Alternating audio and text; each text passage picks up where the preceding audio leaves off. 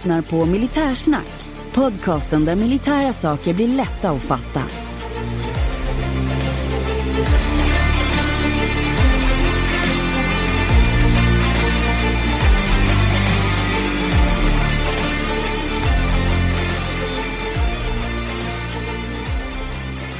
Ja men då, då har jag återigen den stora glädjen att presentera ett nytt avsnitt av Militärsnack. Och den här gången ska vi prata om prepping. Och ni som har lyssnat ofta och länge och mycket vet att jag heter Henning Svedberg. Men vet ni vad karn på andra sidan bordet heter? Det vet de. Löjtnant Andersson. Ja, det är härligt. Du är välkommen. Tackar så mycket. Mm. Vad händer i livet just nu? Du har väl en massa övning att tänka på?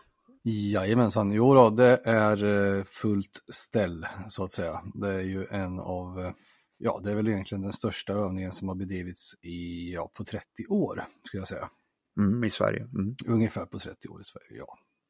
Mm. Så att eh, det finns att göra. Mm. Om man, jag tänkte så här, vi, vi, vi, vi eh, om man skulle vilja se till exempel eh, den här fallskärmshoppningen som ska genomföras med polska fallskärmsjägare, går det att göra det? Får man göra det och eh, vad gäller? Ja, alltså om man ser militära förband så utanför ett skyddsobjekt så gäller ju inget generellt eh, att man inte får titta på dem. Det får man göra, man får titta och man får ju ta foton och så vidare men som vanligt så ska man ju tänka på att följa de anvisningar som ges och man ska ju tänka på vad man delar och så vidare. Sen är det ju på våra skjutfält och eh, övningsterräng kan ju vara avlyst, det vill säga skyddsobjekt och därför mm. har man ju inte tillträde. Då. Ja, just. Men eh, skulle man se polska fallskärmsjägare som eh, dimper ner från skyn så får man ju givetvis titta om man vill. Mm. Men det är ingenting som man vet när det sker så man kan åka dit och passa på att titta? Det vet jag faktiskt inte om man kan ta reda på just specifikt det, men jag rekommenderar att man går in på Försvarsmaktens hemsida så finns det en hel eh, jättemycket information om just Aurora 23 då, som övningen heter. Mm.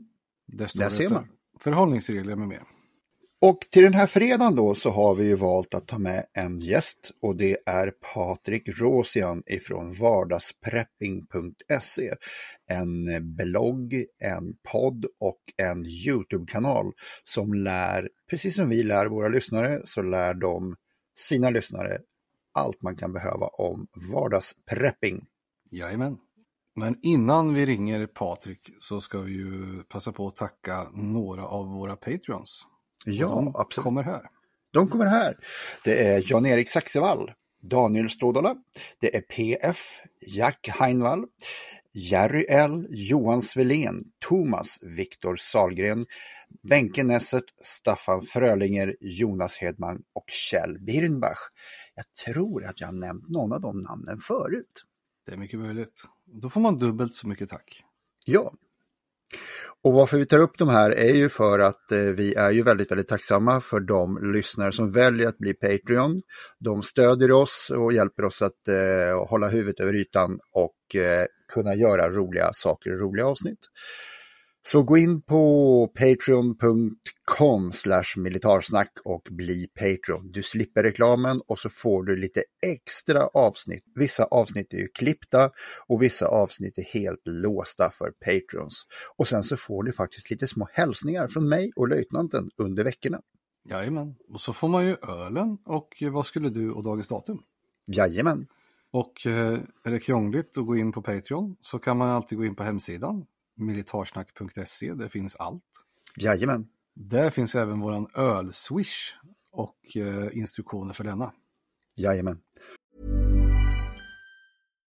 Millions of people have lost weight with personalized plans from Noom. Like Evan, who can't stand salads and still lost 50 pounds. Salads generally for most people are the easy button, right? For me, that wasn't an option. I never really was a salad guy. That's just not who I am. But Noom worked for me. Get your personalized plan today at noom.com. Real noom user compensated to provide their story. In four weeks, the typical noom user can expect to lose one to two pounds per week. Individual results may vary. Så man kan bidra utan att binda upp sig. Precis. Men med det sagt så ska vi, ska vi dra igång eh, dagens avsnitt. Vi gör det. Vi ringer Patrik. Vi ringer Patrik. Ja men då så, då har vi med oss Patrik ifrån podcasten Vardagsprepping. Välkommen Patrik! Tack så mycket för att jag fick komma hit. Du är välkommen ja, som sagt. Eh, börja med att berätta lite kort om vem du är. Jag är en, ja vad är jag, trebarnsfar, mellanstadielärare i SO och väldigt intresserad av säkerhetspolitik, Försvarsmakten, försvarspolitik prepping, krisberedskap. Mm. Ja, och, och ni, du och din kamrat Martin, ni har då Vardagsprepping-podcasten. Och ni har, om inte jag förstått det fel, gjort en bit över 100 avsnitt. Ja, vi är väl uppe i på avsnitt 156 nu eller något sånt om jag inte missminner mig. I ordinarie ja. avsnitt. Sen har vi lite småserier med lite korta avsnitt vi släpper en eller två gånger i veckan också. Mm. Ni är då 100 avsnitt före oss och jag är inte ett dugg av avundsjuk men vi är snart kapp. ja, det var ju så att Martin startade podden.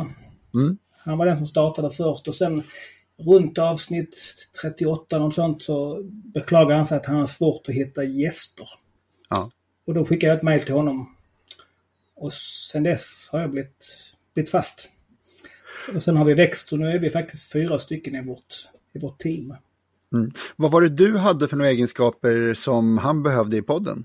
Jag är väl en eh, idéspruta som kommer med massa tokiga upptåg och idéer på hur vi kan eh, annorlunda avsnitt och så vidare. Och är lätt, rätt, så, rätt så kunnig inom ämnet och eh, ordning och reda. Hålla mm. ordning på, på alla datum och spelschema och allt möjligt vad vi har på planer. Mm. Det är ju några, det är bra egenskaper om man ska driva en podd. Det underlättar om, om Martin är då den som håller i tekniken och, och klipper och redigerar och mm. de bitarna. Det, det, är ungefär som här. Vi har ju Henning som klipper och håller i tekniken och, och jag gör det som du gör. Mm. Och sen fick vi med en kvinna som heter Emily som, som stärkte oss då som att vi fick en, lite, en kvinna som är lite yngre än oss. Skäggiga medelålders män. Och sen fick vi en, en, en skäggig medelålders till. Så nu är vi fyra stycken som hjälps åt att driva det. För vardagsprepping är ju mer än en, en podcast. Vi har ju även en YouTube-kanal, en grupp på Facebook, en, en blogg. Vi finns på Instagram och TikTok. Så det är ju eh, massvis med olika kanaler. Mm. Så det känns skönt att vara fyra stycken nu som, som driver den. Men berätta lite kort om podden. Podden heter ju Vardagsprepping. Att vi vill lägga det här med att, att vara förberedd, att skaffa sig en hemberedskap, att vara förberedd för en kris som kan hända i vardagen. Och då tänker vi inte bara på det här som MSB har uppmanat att alla ska klara sig i, i sju dagar utan även kriser som händer i vardagen. Man, man eh, skär sig gör illa sig. Att man är förberedd på att hantera en mindre brand i hemmet. Att man kan, eh, om cykeln går sönder så kan man reparera det också en slags att vara förberedd i vardagen. Att man är förberedd på det lilla men hela vägen upp till att eh, vara förberedd långt mer än det som MSB pratar om de här sju dagarna. Mm. Så vill vi, och vi försöker, vi har sagt det i podden att vi, vartannat avsnitt är det vi som pratar och vartannat avsnitt har vi bjudit in, bjudit in gäster som delar med sig av sina, sina kunskaper. Mm. För vi är ju, som vi brukar säga själva, inga experter. Utan vi gör det här för att vi tycker det är, är roligt och vill dela med oss på vår egen, på vår egen resa att bli bättre förberedda. Det låter ju klokt det som du säger där med, med nivån så att säga. För många om man absolut inte är insatt överhuvudtaget så om man hör ordet prepping så tänker man ju på zombieapokalypsmänniskor som ja, har, liksom förbereder sig för en sån typ av kris. Men eh, det som du säger är intressant med kanske, ja men cykeln är trasig. Sådana där kunskaper eh, Förr i tiden kunde ju folk det men nu har vi gått mer och mer och mer mot ett samhälle där man där man lägger sin tid på att lönearbeta och sen så de här andra sakerna, då köper man tjänster. Eh, en, en, person som har mer tid eh, kan ju ofta ha mindre pengar och då gör man de där sakerna själv. Så att eh, det, det, är kunskaper som folk kan ju ofta, en del kan ju inte ens byta däck på sin bil så att säga. Så att det är väl jättebra att belysa de här sakerna. vi pratar ofta det här med att att vara, att vara förberedd innebär att man kan, man kan baka sitt eget bröd. Man behöver inte gå ner och köpa ett bröd som kostar 80 spänn i affären. Man, man kan baka tre limpor för 25 spänn. Och man kan, eh, man kan odla lite grann, man kan sy en knapp eller man kan laga ett par byxor som är trasiga. Det är, det är kunskaper som, som underlättar både i vardagen men även i en, i en kris. Att man kan ta hand om sig, sig själv och de sakerna som finns runt omkring en. Det låter ju väldigt sunt. Det är ju egentligen kunskaper som kanske inte alla kunde förr, men, eh, men väldigt många kunde förr. Och, och, det, och det kräver ju såklart vissa förberedelser. Även om man nu kan räkna ut hur man syr så är det ju svårt utan nål och tråd. Och eh, det kan vara svårt att salta in eh, kött utan salt och så vidare. Så det är väl, själva preppingdelen består väl i att både inhämta kunskap och viss materiell antar jag. Absolut. Vi brukar ju säga att eh, prepping är ingen prylsport men prylar är rätt roligt. Det blir, men det gäller att man inte går all in på prylarna utan man även förstår var, varför man har dem och att man kan använda sina prylar. Att man testar dem och använder dem. Och I vardagen har man köpt ett eh, stormkök för att man vill ha möjlighet att laga eller ett gaskök för att man vill ha möjlighet att laga mat. Om, och strömmen försvinner så stoppa inte in det i hyllan utan eh, ta med det ut på en liten utflykt eller i trädgården eller i parken och testa, testa och använda det så du vet hur det fungerar. Men om vi börjar med en absolut lägsta nivå, det som är föreskrivet hur vi ska klara oss. Eh, och sen så kan vi väl dela upp det lite grann. Eh, alla förstår ju att det generellt sett är lättare att klara sig i ett hus på landet än i en lägenhet. Men vi tar en, en, en person som bor i en lägenhet mitt i stan. Eh, jag har läst någonstans att, eh, du får rätta mig om jag har fel, men att man delar upp det här i vatten, värme, information, mat och sen kanske det är någonting mer. Men, men vad är det absolut minsta man behöver ha för att uppfylla kraven egentligen? Man får ju tänka efter här, vad, vad behöver jag för att klara mig i sju dagar? Och i, I lägenhet så är det ofta det, det svåra man ser det är ju, det är vatten. För det, man brukar ju räkna att man behöver minst tre liter per dag i vatten. Och är man då en familj på fyra så blir det ett antal liter för, som behövs på, en, på en vecka. Och det kanske inte är lättast att uh, gömma undan i en, i en lägenhet. Då kanske man får använda källarförråd eller något som är kanske så det kan stå lite svalt och lite mörkt. Så inte man uh, har det in i lägenheten. Men ofta är det där man, man pratar om svårigheterna eller lägenhets preppersen att de, att de har ofta svårighet att det här med förvara sitt vatten. Om vi börjar om vi pratar om den vatten då, köper man, kan man ta gamla petflaskor eller köper man en dunk på en Biltema eller hur, hur ska det gå och hur ofta ska man byta och så här? Finns det några regler för det där? Jag har ju både på i, i, petflask, i petflaskor och eh, i dunkar. Ska man köpa dunkar så får man ju tänka på att eh, det bästa är att använda dunkar som är livsmedelsgodkända. Och sen förvara det mörkt och svalt. Så kan, så en del säger att man ska byta det två gånger om året. Jag byter mina en gång om året. För det har det så pass svalt och mörkt så det... Och jag har provat dem och smakat det och det, det är inga problem. Men det beror lite på hur man, hur man förvarar det, hur ofta man behöver eh, byta det. Mm. Just jag själv som eh, förvarar vatten i gamla läskpettflaskor och liknande och vattenpettflaskor eh, försöker ju hålla så lite luft som möjligt så att det knappt är en bubbla alls. Är det en idé jag har fått från ingenstans eller är det ett vettigt tänk? Det är nog ett vettigt tänk att ha det fullt ända upp till, till korken så att det inte finns någon, någon luft i flaskan. Mm. Och noga med att man har rengjort dem innan och att uh, man är, är ren om händerna så man inte råkar spolar ner skit från händerna i vattnet. På någon, man är noga med hygienen när man fyller på dem och tvättar av dem och försluter dem. Även jag har en liten reservvolym fast jag har, jag har en brunn jag skulle kunna hämta vatten i eh, utan el så att säga och kan hissa ner en hink och ta upp. Men det vattnet är ju eh, av sekunda kvalitet men det hade gått att koka så att säga. Men jag har en reservvolym Eh, för mindre störningar. Det räcker ju egentligen att det blir strömavbrott här i sex timmar. Så är det ju trevligt att ha vatten. Så då har jag en reservvolym och eh, den förvarar jag i livsmedelsklassade dunkar som du säger. Jag har även satt en tejp över locket som är datum på så jag ser ungefär hur länge det har stått. Då är du, då är du bättre där än vad jag är. ja, jag, har inte märkt, jag har inte märkt mina dunkar när jag fyllde på dem. Men just på den punkten möjligen. Men, eh, men sen som sagt så, så kan man ju alltid, det går ju eh, att hitta vatten i naturen, i en sjö till exempel, men det är ju inte förstahandsvalet och då behöver man ju koka. Så att, men, men jag tror man ska tänka som du säger att eh, allt är ju inte världskrig och eh, jag snackade med någon någon gång så sa jag, men jag har inget hemma för att när kriget kommer då kan jag gå och slå in rutan på en butik. Ja, jo absolut, kanske, men alltså det räcker att det blir strömlöst i, i, i tio timmar så kan du inte gå och, och rajda en butik liksom. Nej, man, man, är nog sällan först med den idén så att jag tror att det är dumt att hoppas på det. Ja, och jag tror att det är de här små kriserna som är eh, som man vill, alltså verkligen ska förbereda sig för att ha det en riktigt stor kris, då, då händer det helt andra saker och mm. man kanske flyttar sig från en stad och så vidare. Så att, eh, man, man ska nog tänka i banorna strömbortfall bara helt enkelt. Så, man, så, så, så, och vatten är ju det första som blir väldigt tufft att klara sig utan.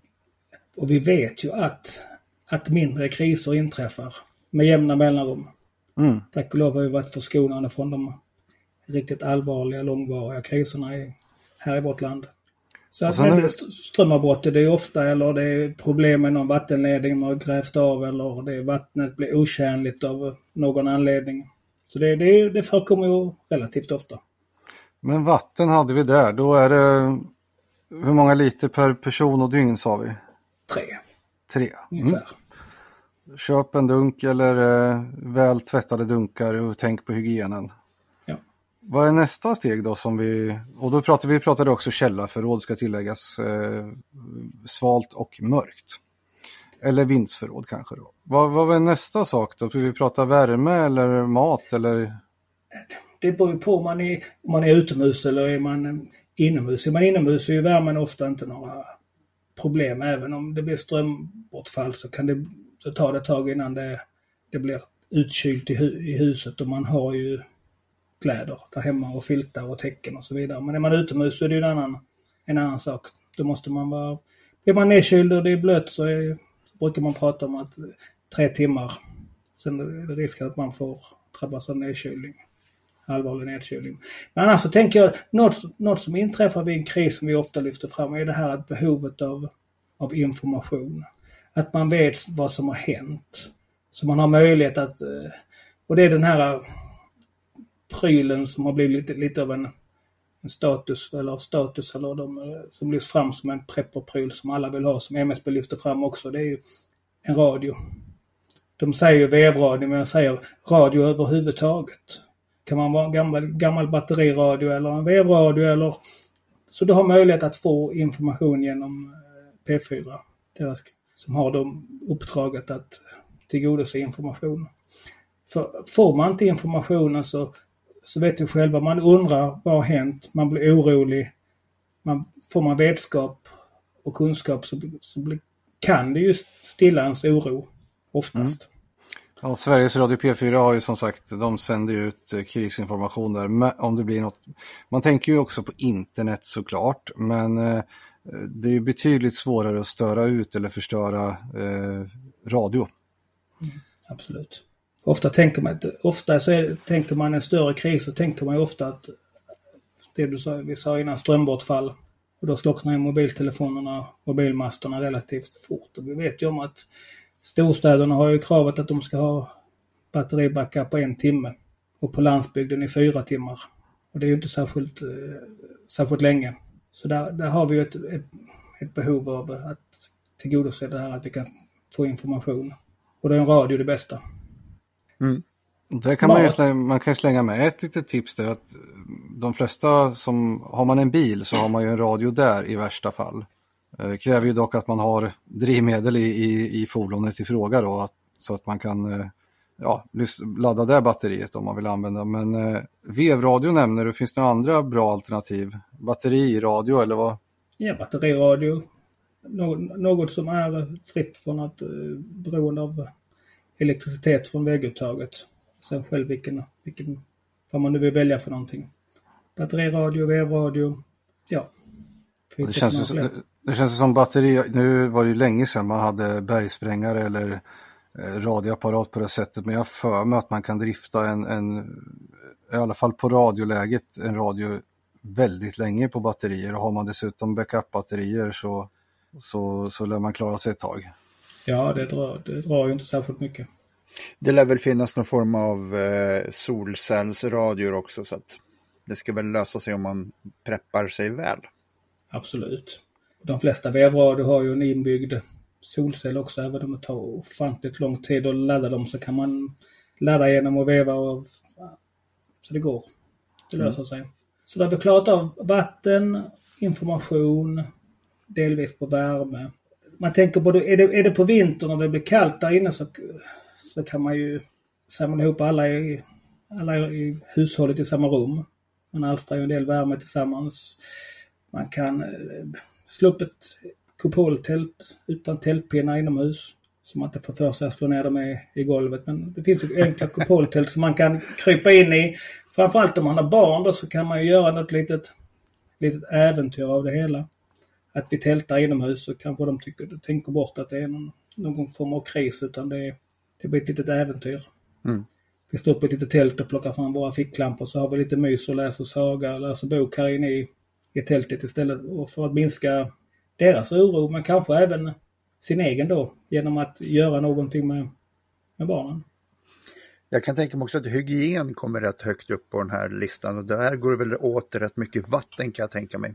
Hygienen är ju, är viktig. Att kunna hålla sig ren och att kunna ta hand om sina toalettbesök och lösa den situationen på no, på no, i någon form. Det pratas ju mycket att man ska sätta upp en, en plast, stoppa ner en plastpåse i toaletten men det är det låter bra men det är rätt så svårt för att få till det på ett bra sätt. Men det finns ju en del nödtoaletter och campingtoaletter som man kan ha. Så man mm. har funderat på den biten på något sätt. Det går ju också att spola eh, genom att hälla vatten direkt i toaletten men det, det, det, vill man ju inte göra av med sitt finvatten på. Men har man eh, eh, kanske en kanal, en sjö eller en, man kan ju hämta en hink och ha fyra liter så kan man ju, har man ju en spolning där så att säga.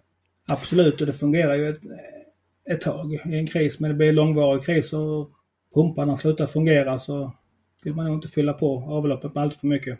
Nej, då kommer det sluta fungera så. Men eh, personhygienen då, eh, det borde ju finnas någon möjlighet att använda något annat än vatten. Jag tänkte om man skulle tvätta sig med textildukar eller kanske någon form av våtservetter. Ja, både, både våtservetter med och utan parfym och eh, fina tvättlappar. Så man kan använda, det går inte åt jättemycket vatten där. Nej. Och man, man tänker på att man har lite, lite extra tvål och tandkräm och tandborste så det, inte, så det räcker ett tag. Mm. Så man inte är den som eh, köper ny tandkräm när tuben är slut. Utan man har en extra hemma. Precis, lite backup.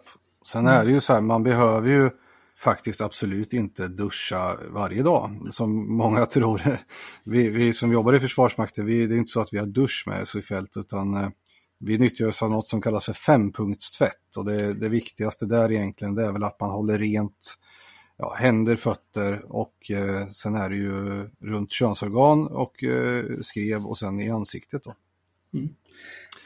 Även un, under armarna så att säga. Men där, där det finns eh, Eh, bakterietillväxt och eh, där maten ska in så att säga.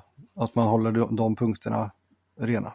Vi håller på att göra en, en serie avsnitt på vår blogg som heter Bli en vardagspreppo plus där vi skriver ett avsnitt i, i veckan, kommer ut med en artikel i veckan där och just det du pratar om hygienen här det, det skrev jag för ett antal veckor sedan en artikel som handlar om det, just den här grundläggande hygienen och tog då upp, lyfte då upp fram det här du nämnde med militär fempunktstvätt. Mm. De, det satte isen militärtjänsten en gång för 30 år sedan drygt. Jo, och det funkar, ju all, det funkar ju alldeles utmärkt. Alltså man kan ju gå både en och två veckor utan att, duscha. Det är, det är ju en lyx vi har i, samhället. Eh, innan duschen var uppfannen så kunde man ju förvisso bada men det var väl inget man gjorde varje vecka liksom. Man hade sitt lilla, lilla, lilla, hand, lilla tvättfat med med vatten. Man hällde upp lite varmt vatten och lite kallt vatten så tvättar man sig det utan problem. Det var en annan doft på den tiden. Ja. mm. Det var det säkert. Det var det. Men de överlevde ju. Absolut, ja. definitivt. vad är nästa punkt vi tänker här vad vi behöver? Mat. Ma mat. Och där, där, går, där, går lite, där är lite olika åsikter. Man, man, behöver ha, man behöver ha lite extra av det man brukar äta hemma. Men det, det viktigaste är egentligen att man har något sätt att tillreda maten. Om då strömmen försvinner. Och vi brukar säga att gaskök, ett litet gaskök är enklare att ha än att använda ett... Eh, ready to pop the question? The jewelers at BlueNile.com have got sparkle down to a science with beautiful lab grown diamonds worthy of your most brilliant moments. Their lab grown diamonds are independently graded and guaranteed identical to natural diamonds, and they're ready to ship to your door. Go to BlueNile.com and use promo code LISTEN to get $50 off your purchase of $500 or more. That's code LISTEN at BlueNile.com for $50 off. BlueNile.com code LISTEN. Burrow's furniture is built for the way you live. From ensuring easy assembly and disassembly to honoring highly requested new colors for their award-winning seating, they always have their customers in mind. Their modular seating is made out of durable materials to last and grow with you. And with Burrow, you always get fast, free shipping. Get up to 60% off during Burrow's Memorial Day sale at burrow.com slash ACAST. That's burrow.com slash ACAST. burrow.com slash ACAST. vad heter det, triangelkök och sånt. För de är, då ska man hålla på med hela bränsle och så vidare. Så ett, ett enkelt gaskök som man kan, man kan laga enklare mat på. Och må, många säger att man ska preppa vad man äter och äta vad man preppar. Men när jag tänker på hur jag personligen hur vi lagar mat här hemma när vi tillreder måltid, måltid så använder vi ofta mer än en platta som det är då på ett gasolkök. Även om man har två stycken gasolkök så är det bara två plattor. Ofta när man lagar mat så använder man ju både, både ugn och två, tre plattor på spisen. Så att kunna laga samma mat som man äter till vardagen i en kris. Man, man, jag tror man behöver tänka om lite grann där. Att man, man har lite, en, tänkt upp lite enklare måltider. Så, inte man, så man inte gör det så komplicerat. Som inte tar så lång tid att tillreda. Så det kanske inte blir exakt de sakerna man äter till vardags. Men det, man, man fyller på som man har hemma. Så att man kan få varm mat i magen. Några, några saker som jag kan tänka direkt eh, eh, när man tänker prepping. Folk tänker ju direkt på att man pasta, det kan man ju ha mycket av och det kan man ju verkligen äta det man preppar. Det, är- det är ju bara att ha eh, ett eller två eller tre paket till och sen omsätts det ju. Det vill säga, du, när du har förbrukat ett så ställer du in ett nytt. Eh, samma med knäckebröd och sånt där. Men, men det är ju ganska uppenbara prepping-grejer och folk tänker också konserver, att det måste vara, ja men konserv liksom. Men det finns ju andra saker som är mer vardagliga, till exempel ägg. Eh, eh, ägg, det är ju bara vi i Sverige som, som förvarar det i kylskåp egentligen. Eh, ägg står sig ju enormt länge och är ju förpackat i en skyddande atmosfär. Det går att äta rått, men det går att göra väldigt mycket gott och det är ju jättenyttigt. Det är jättegott. Och det, ger, och det, innehåll, det ger ju väldigt mycket. Så det, det brukar jag ha liggande några flak i, i kylskåpet och då vet man ju om att de, de håller i månader efter det här bäst. Ja, och när strömmen försvinner så håller de en stund till. Också. Absolut. Det är också vä- väldigt lätt livsmedel att veta när det inte är tjänligt längre. För det känner man ju direkt. Det. Och det, flyt, det flyter väl när det börjar närma sig i alla fall. Ja, precis. Det finns, det finns något test där om det flyter och sjunker. Det kan jag inte i huvudet. Jo, så länge det sjunker är det absolut ätbart, men sen om det då har börjat flyta och ligger vid ytan då bör det väl åtminstone lukta på det innan du äter det. För okä- gamla ägg vill vi inte äta, det vet vi hur det är.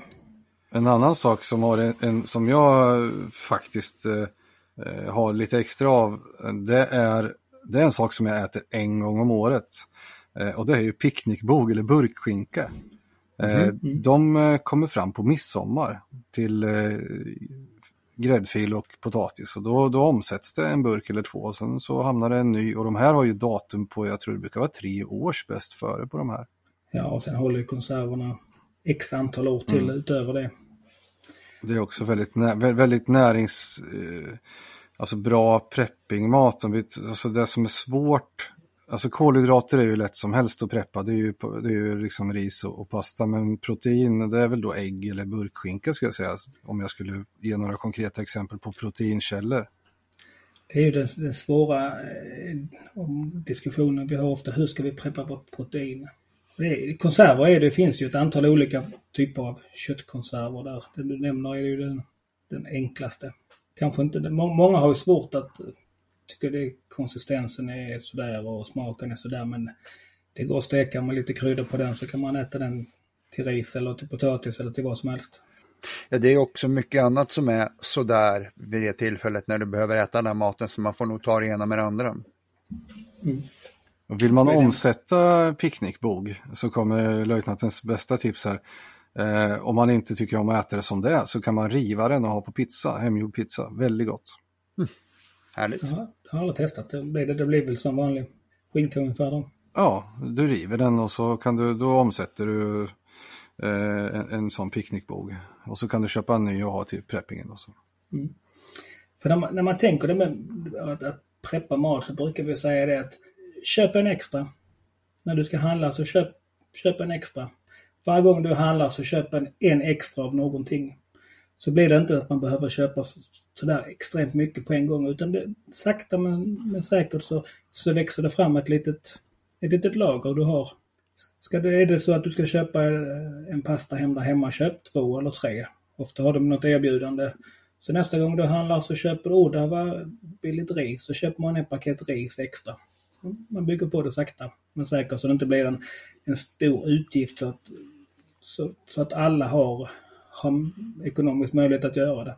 För det är ju en svårighet nu där vi vet att folk har ont om pengar och svårt att få det att gå ihop i vardagen, att man då ska förbereda sig också. Men tar man det sakta, om, sakta så, så går det att bygga upp det ändå. Jag tror en, en, stor fördel med att bo lite mer lantligt är ju att man får det här gratis. Många som bor på landet tänker ja men det har man väl, det har man väl liksom eh, eh, man klarar sig väl någon månad eh, på, och kanske en vecka på färskvarorna och någon månad på det man har i, i, i skafferiet. Och, och så att säga. Men eh, många kanske inte gör det. Eh, så jag kanske är lite prepper fast jag inte skulle kalla mig det. Jag brukar skoja och säga det att eh, man måste kunna bjuda på en trerätters på det man har hemma om någon knackar på nu. Och det, alltså, den behöver inte vara fin men du måste kunna producera minst, eh, minst en förrätt och, och, en, och en huvudrätt och en efterrätt. Va, liksom. Ja, det, definitivt. Vi brukar ju, äh, när vi har, eh, har gäster i podden så brukar de få skatta sig själva. På en skala från 1 till 10 där då ettan är att man är, är det vi kallar en fodora prepper Öppnar man kylskåpet så ligger där en flaska läsk eller några öl eller på frysen ligger det kanske isbitar. Sen har man inte med hemma. Och en fyra är då att man, man klarar sig den här veckan som MSB och staten vill att man ska klara sig själv på egen hand minst. Och en tia är att man är helt oberoende av allt och alla. Det är väl en, och det vet vi om att det finns ju ingen som kan, kan vara oberoende av allt och alla utan man är beroende av att göra saker det här tillsammans för att klara sig. Men det, är rätt, det brukar vara rätt så intressanta diskussioner. Man kan, allt, man kan göra den här skattningen på sig själv och man lyssnar och funderar. Var ligger jag någonstans? Vad krävs det för att jag ska höja min beredskap lite grann? Vilka de här olika delarna ska jag börja med? Ska jag börja med vatten eller ska jag börja med mat eller ska jag fundera på informationsbiten eller ska jag titta över min, min första hjälpenutrustning där hemma eller hur är det med min brandsläckning som man tar man koncentrerar sig på en sak i taget. Vi tänkte till där så vi hade ett, ett avsnitt, eller en serie med avsnitt som vi döpte till Börja preppa. Så det blev en serie på, på sju avsnitt tror jag det är som handlar om att börja preppa där vi betar, är, av de här områdena ett efter ett i ett avsnitt när vi, när vi går igenom varför det här är viktigt och hur man ska tänka kring de här olika sakerna och vad, vilken utrustning man kan behöva. Så det kan jag, om någon som vill lyssna så kan man gå in och lyssna på dem för att man ska få en grund så att säga. Och sen tänkte vi till det här med, med ekonomin att det ska vara överkomligt för, för alla människor. Då tog vi fram en, en serie avsnitt som heter Preppa med budget. Där vi satte av en viss, en viss summa, två olika summor, en lite lägre och en lite högre, där vi då gick igenom och tittade och rekommenderade vad man skulle kunna köpa för att bli mer förberedd på de här olika bitarna. Och det kan vara en hjälp till de som vill, vill komma vidare. Mm. Bra. Det kan väl ofta vara det som är problemet att folk ofta tror att det måste till så avancerade saker och så dyra saker för att börja preppa medan egentligen så är det bara att titta bakåt en vecka. Vad har jag använt? Och eh, då ser man, det, är det, här, det här kan jag leva på den här veck en vecka i alla fall. Mm. Så tänka på det, att eh, det här med att eh, hur skulle jag klara av matlagning om det inte kommer el från vägguttagen så jag kan använda min spis? Hur fixar jag vattensituationen? För titt, titt, ett normalt hushåll tror jag att de, de tittar i sitt kylskåp och sitt, sin frys och sitt skafferi så har de saker så de klarar sig en vecka. De allra flesta. Det kanske inte blir världens godaste eller sådär men nu klarar man sig en vecka på det man har i ett vanligt hushåll utan problem. Mm. Men, men, men det blir ju någon form av Östermalmsprepping om man ska ha så att man har gåslever för och allt, så att allting är gott. Medan eh, vi tittar på mat som du kan kanske äta i fält som militär så är det ju det att det är burkar med som kanske var, mat, som kanske var lagade på 80-talet. Eh, det kan vara saker och ting som det är inte så jäkla gott men här handlar det om att lösa ett problem. Du ska överleva den här tiden eller så ska du inte överleva och att då börja säga jag äter inte det här för jag tycker inte om det här. Det, det, man får ju ta bort den tanken för här handlar det faktiskt om att lösa ett problem, inte lösa ett njutningsproblem vad det gäller gourmet. När du berättar det här så tänker jag tillbaka att min, min släkt kommer, halva släkten kommer från Kroatien och min, min farmors bror var här uppe i Sverige då. Vi hade ordnat en hjälpsändning till honom. Vi ville köpa lite saker till honom som, som han kunde ta med sig hem till sin familj då. Så frågade vi han vad vill du vi ska köpa till dig? Han, han tittade på oss då. Vad jag vill ha. Vad som helst som går att äta det blir bra, det blir bra nog. Så det här, de, de, då, då, då, får man ett annat perspektiv på det. Mm. Att, att han brydde sig inte om vad det var, bara det gick att äta så de blev mätta på något sätt. Mm. Och det är ett, ett annat perspektiv man tänker att man ska eh, äta på samma mat som man äter till vardagen. Mm.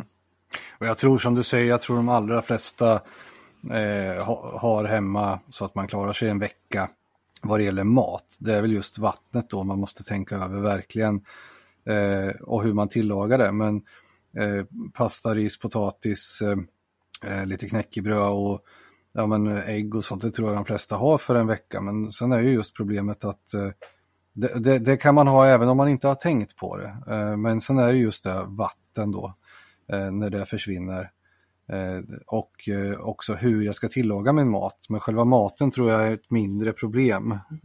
det är väl möjligtvis någon Bor man själv i en lägenhet och så fodora preppar som du säger, då, då, då, då ligger man ju illa till. Men ett normalhushåll eh, hoppas jag och jag tror verkligen att man har mat för en vecka. Annars skulle ju alla handla varje dag och det, det hoppas jag att man inte gör. Mm, ja, håller med dig där att det hoppas jag verkligen att folk inte gör. Jag tänker mig att en medelsvenssonfamilj handlar, storhandlar en gång i veckan eller varannan kanske. Och då, då, då är det ett bevis på att man faktiskt klarar sig och så kanske kompletteringshandlar med lite färskvaror och sådär. Eh, så så den, den gruppen behöver vi tänka till på vatten framför allt och sen då hur man, hur man ska laga sin mat. Och det är ju inte, bor man i villa så kanske man har en grill, då har man löst det. Absolut. Ja. Sen en sak till där är väl ekonomin i preppingen vad det gäller mat, det är det att ät om du har blivit hungrig. Man ska inte äta för att klockan är någonting utan kroppen säger till när den vill äta någonting för att oftast äter vi ju alldeles för mycket. Definitivt. Jag, jag och Martin hade en liten eh, som vi skulle, vi skulle testa att fasta. En liten utmaning vi fick, jag kommer inte ihåg hur många, det var 2000 prenumeranter på Youtube och sånt. Vi skulle fasta i, i 48 timmar. Då hade vi aldrig någon fastat någon av oss överhuvudtaget. Det blev 53 timmar vi fastade och det gick ju det, det gick över förväntan. Det var inte så, mm. så jobbigt. Men jag kände att eh, mitt jobb som lärare, man var inte riktigt hundra skärpt där. Det, det, det var inte okej. Okay, så, jag, så jag nöjde mig med det. Mm. Man gör väl inte un, undervisa barn och inte vara hundra, hundra skärpt. Det känns inte rätt. De hade, sen våra, det finns ju fler poddar inom det här ämnet och några, några av våra kollegor de, de gjorde det i en vecka. De oh, fastnade en vecka. Ja. Och det klarar de ju också. Så det går ju. Ja. Det är ju vattnet så att man får i sig vätskan så att man har någon ork. Och sen då tänker, beror det på vad man ska göra. Ja exakt, det är ju det att du det finns ju lite olika faktorer som kan bryta ner en generellt om man tittar om man ska ha en övning som är lite mer krävande med till exempel soldater. Då kan man ju laborera med det här med, eh, med fysisk ansträngning, eh, för lite sömn, och sen kosten då. Och sen framförallt ovisshet är ju också en väldigt stor faktor. Det blir, det, då blir det de här sakerna, vi, ja. de sakerna vi pratar om som är viktiga, ovissheten där. Man inte vet vad som, händer, som har hänt och vad som komma skall. Och har man sin mat, ska jag äta den nu eller ska jag spara den till imorgon? Och en enskild sån här sak eh, klarar man ju ganska så bra. Fysisk belastning till exempel, folk går ju och tränar och det går ju alldeles utmärkt. Men, eh, men utan mat och dålig sömn då blir det helt plötsligt eh, prestationen väldigt dålig. Mm. Så, att eh, det beror ju helt klart på vad man ska göra som sagt. Så att utan mat och energi klarar man sig relativt bra om man har, det, har det an, de andra pusselbitarna så att säga. Men, men det viktigaste är ju när vi pratar om det här är att det är aldrig för sent att börja. Det är aldrig för sent att börja preppa. Börja, fun börja fundera över sakerna och eh, tänka efter. Man kan preppa i, i sig själv. Alltså man, man skaffar sig kunskaper och så man, man funderar och tänker. Man tänker vad, vad, skulle, vad skulle kunna inträffa? Hur, skulle, hur ska jag agera då? Hur skulle mitt hushåll drabbas om, om vattnet försvinner? Eller om strömmen försvinner. Hur skulle det påverka mig och min familj? Eller om bilen lägger av tre mil hemifrån. Hur gör jag då? Om inte min mobiltelefon fungerar. Man gör lite sådana här olika scenarier för sig själv för att eh, få igång sina tankar och, och börja fundera i de här banorna. Mm, mm. Absolut, mm. att man äh, väcker tanken och förbereder sig för det så att säga. Och det, det man absolut kan för, räkna med att det försvinner Eh, oavsett om det är översvämning eller storm eller eh, krig eller vad det nu än är så ska man nog räkna med att ström, det har vi inte. Det, det, skulle jag säga att det är en av de första sakerna som försvinner. Och ström och internet och eh, med strömmen förmodligen vatten. Mm. Och all kommunikation överhuvudtaget. Förutom radio. Den hoppas vi håller igång ett tag. Så att absolut, det är ju de sakerna och det, det räcker ju som sagt att det blir en, en, en, storm av lite större karaktär så ska man nog räkna med att, eh, att just i strömmen försvinner. Och så det, det, är väl det första och lägsta nivån att kunna klara av det då. Definitivt. Vi har gjort några, vi har ju, i vår podden har vi ju gjort några sådana här eh, scenarioövningar i, i tankarna. Att vi utsätter för varandra för sådana här eh, oväntade händelser och scenarier där man där man inte vet vad som ska hända. Och man får ju verkligen tänka till då. Hur, hur skulle jag reagera om det här inträffade? Och det är lätt att tänka men i verkligheten vet man inte förrän man väl, förrän man väl står där. Men genom att tänka och förbereda sig och öva så går det ju att bli bättre förberedd. Mm. Nej, så det gäller att... När jag, jag brukar säga, folk brukar fråga mig vad, vad preppar du för? Och då brukar jag säga att jag preppar för att jag och min familj ska klara oss så bra det går oavsett vad som inträffar. Att vi ska ha en vardag som är så lik den vi har idag som det bara går. Oavsett vad som inträffar att eh, det, man kan ju preppa för att, att, man blir arbetslös eller att någon skadar sig eller att, no, att vad som helst. Så oavsett vad som händer så ska man då kunna vara, klara sig så bra det går så likt man lever idag. Sen går det ju inte om det, om det vi pratar om den ultimata ultimata, den värsta krisen som kan inträffa i kriget. Då blir ju inte vardagen på samma sätt på långa vägar. Men man får försöka göra det bästa av situationen som vi ser att, att folk försöker göra i Ukraina. De försöker göra det bästa möjliga av, av sitt liv och leva det så nära de gjorde tidigare. Absolut, och det brukar vi säga ibland också att eh, det handlar ju också om att inte utgöra en belastning. Är man fullt frisk och fungerande så ska man inte utgöra en belastning för att man inte har förberett sig. Det är viktigt.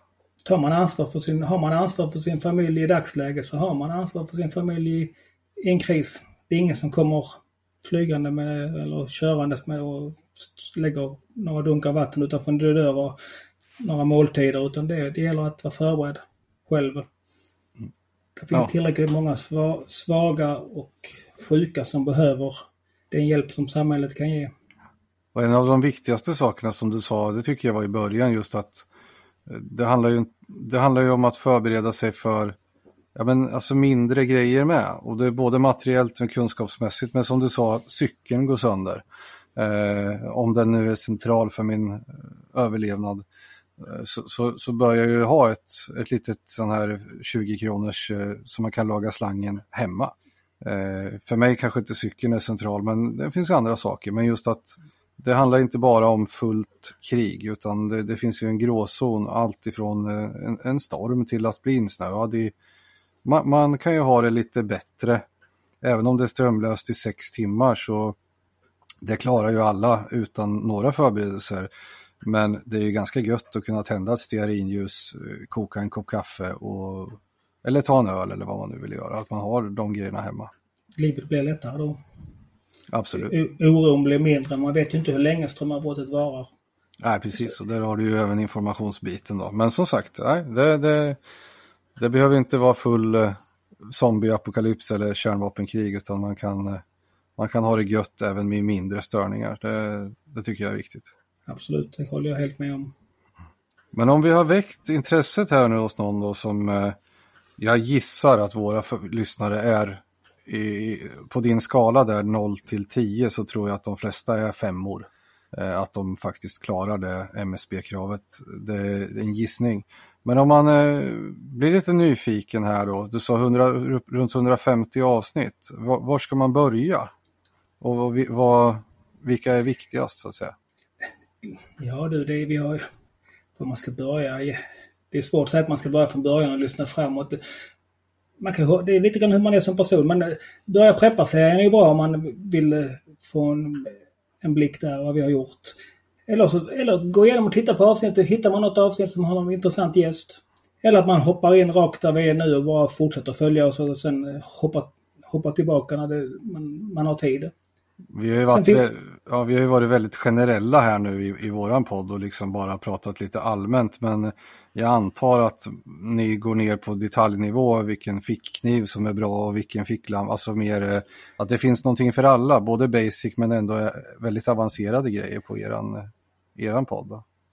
Ja, kanske inte de allra mest avancerade men upp till en sexa, sjua om man tänker på skalan där, de som ligger över där, de, de, kan, de kan säkert få en del en del saker också. För ofta har vi ju, vartannat avsnitt har vi ju gäster och de, de är ju verkligen experter som tycker om att eh, nörda ner sig i detaljer och, och berätta om sina saker.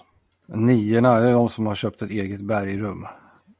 Någonstans. Ja, vi har, vi har haft amerikanska gäster de, från amerikanska poddar och de var väl de som, som har graderat sig högst. De var faktiskt, de, de var smarta nog att dela upp det i olika bitar. De ville inte ge en generell siffra utan de delade upp det i de här olika större segmenten och så satte de sig för allt från 8 och 9 och de var uppe på 10 på någon av, på någon, någon av sakerna. Mm. Vad, vad, skulle du säga själv att du ligger då? En sexa på en del saker och en sjua på en del saker. Sjukvårdsmaterialet kanske. Det är en, jag blir så glad av ett avsnitt när ni hade med Stellan. Det är min, mitt stora intresse. Mm. Utan att vara utbildad inom ämnet så är det något jag nördar ner mig Där, där kanske ligger på uppe på en åtta. Lite olika vad det, mm. vilken sak det rör. Det är inte bara saker man kan köpa hem som är eh, för att preppa med utan kunskap är jätteviktigt. Så att, eh, just det, att, att, bara köpa alla de här sjukvårdsgrejerna och alla de här prylarna är ju ingenting så länge man inte har vana att använda dem och vet hur de ska brukas. Mm, definitivt. Jag skulle säga att kunskap där trumf, alltså, trumfar ju kanske inte materiell. Det är väl bra att ha materiell och material men, men kunskapen eh, Stellan får hellre ta hand om mig med eh, tillfällig material än att du Henning får ta hand om mig med proffsgrejer. Tack. Ja, varsågod. jag hade gjort samma val. Ja, ja, ja, ja, jag ger er den poängen. Och det, det är sannolikt omvänt också. Ja. Mm. Så är det. Vi finns ju på, som jag sa, vi finns ju bara inte bara i podd utan även om vissa, vissa tycker vill ju gärna se saker. Vi gör en hel del videos på Youtube. Jag tror vi har släppt 200 kanske. Var hittar man er? Där poddar finns. Bloggen vardagsprepping.se eller på vardagsprepping på Youtube. Perfekt. Eller på vardagspreppings vänner har vi en, heter vår Facebookgrupp. Mm. Ja, Bra. Om man nu har lyssnat på det här avsnittet och känner att jag vill börja från absoluta basic, vad är ditt starkaste tips? Då skulle jag faktiskt rekommendera att man tittade på två stycken filmer som eh, två olika klasser jag har i årskurs 4 har gjort. För de går igenom det här på väldigt basic nivå. Fast de är otroligt duktiga. Och det finns på, på Vardagspreppings Youtube-kanal. Och det handlar om, vad heter det nu, Människans basbehov genom en tioårings ögon heter den ena filmen och den andra heter Tre-regeln genom en tioårings ögon. Hmm. De, är, de är sevärda och de är väldigt duktiga. Och man ska ha i åtanke att de är bara, bara tio år. Det är jätteroligt. Perfekt. Ja, Patrik. Det var jättekul och trevligt att ha lärorikt att haft det här och de som tycker som vi kommer ju då alltså hitta på er sajt Vardagsprepping allt de vill och behöver för att kunna preppa ordentligt. Det stämmer bra det. Med det så säger vi tack så mycket Patrik. Tack själva. Ja, tackar så mycket. Hej! Hej, Hej då, hej då.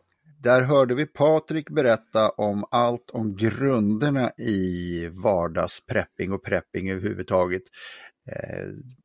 Jätteintressant att höra, även om de flesta av våra lyssnare, precis som du sa, de har nog lite mer koll på det här än grunderna, men det är aldrig fel att ta grunderna. Nej, det är det ju inte. Och framförallt lite scenariotänk. Eh, vad, vad gör vi om Mm. och strömmen går? Eller vad gör vi om eh, det blir en stor storm? Eller vad det nu är. Att man Mm. tänker igenom eh, tänkbara scenarion. Och är man, är man mer intresserad så har ju de en, en, en, en plattform att inhämta kunskap på. Mm. Det är ju en sak som vi inte tog upp här som jag har tänkt på lite och det är det att man ska inte berätta för folk att man preppar. Man ska inte berätta för folk vad man har sina lager och sådana saker för att om det blir riktigt trist läge då kommer folk börja stjäla av dig och eh, den som är riktigt, riktigt på gränsen till svält hungrig kan bli på gränsen till eller över farlig för dig. Mm. Sen sa ju jag det att eh, ja, man ska ju kunna leva med eh, kanske en vecka som vanligt, en månad, inga konstigheter och man ska alltid kunna eh, bjuda på en trerätters på det man har hemma. Mm. Så får jag väl lägga till att man ska också kunna få ett hjärtstopp av den mängden öl man har hemma. Ja. Så nu vet du, nu vet du hur du kan åka. Mm. Mm. Absolut.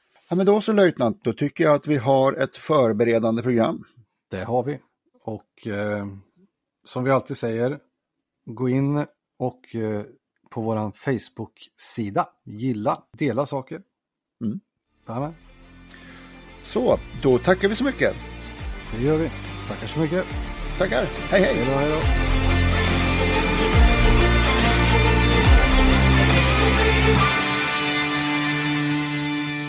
Glöm inte att gilla, dela och gärna prata om vår podd med de vänner du tror skulle gilla den. Tack!